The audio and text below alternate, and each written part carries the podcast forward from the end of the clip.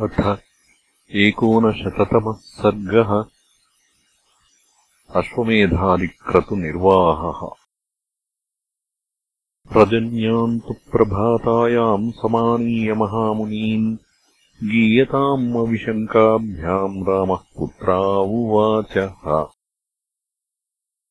ततः समुपविष्टेषु ब्रह्मर्षिषु महात्मसु भविष्यदुत्तरम् काव्यम् जगतुस्तौ कुशीलवौ।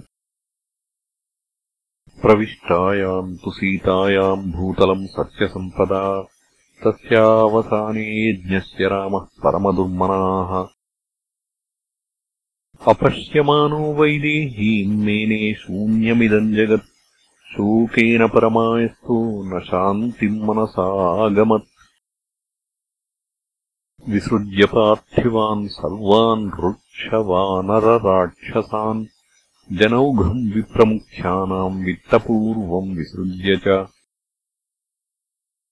एवम् समाप्य यज्ञम् तु विधिवत् स तु राघवः। ततो विसृज्यतान् सर्वान् रामो राजीवलोचनः। हृदि कृत्वा तदा सीताम् अयोध्याम् प्रविवेशः इष्टयज्ञो नरपतिः पुत्रद्वयसमन्वितः। न सीतायाः पराम् भार्याम् वव्रे स रघुनन्दनः यज्ञे यज्ञे च पत्न्यर्थम् जानकी काञ्चनीभवत् दशवर्षसहस्राणि वाजिमेधान्नथाकरोत् वाजपेयान् दशगुणान् तथा बहुसुवर्णकान् अग्निष्टोमातिरात्राभ्याम् गोसवैश्च महाधनैः ईजे क्रतुभिरन्यैश्च स श्रीमान् आप्तदक्षिणैः।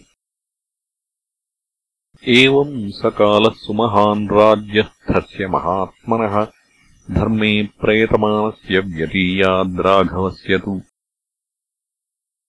अनुरञ्जन्ति राजानम् अहन्यहनिराघवम् वृक्षवानररक्षांसि स्थिता रामस्य शासने।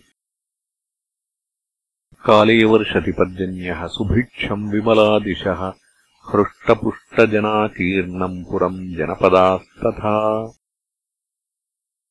नाकाले म्रियते कश्चिन्न व्याधिः प्राणिनाम् तथा नानर्थो विद्यते कश्चित् रामे राज्यम् प्रशासति अथ दीर्घस्य कालस्य राममाता यशस्विनी पुत्रपौत्रैः परिवृता कालधर्मम् उपागमत्। अन्वियाय सुमित्रा च कैकेयी च यशस्विनी धर्मम् कृत्वा बहुविधम् त्रिदिवे पर्यवस्थिता। सर्वाः प्रमुदिताः स्वर्गे राज्ञा दशरथेन च समागता महाभागाः सर्वधर्मम् च लेभिरे तासाम् रामो महादानम् काले काले प्रयच्छति। मातॄणाम् अविशेषेण ब्राह्मणेषु तपस्विषु। पित्याणि ब्रह्मरत्नानि यज्ञान् परमदुस्तरान्।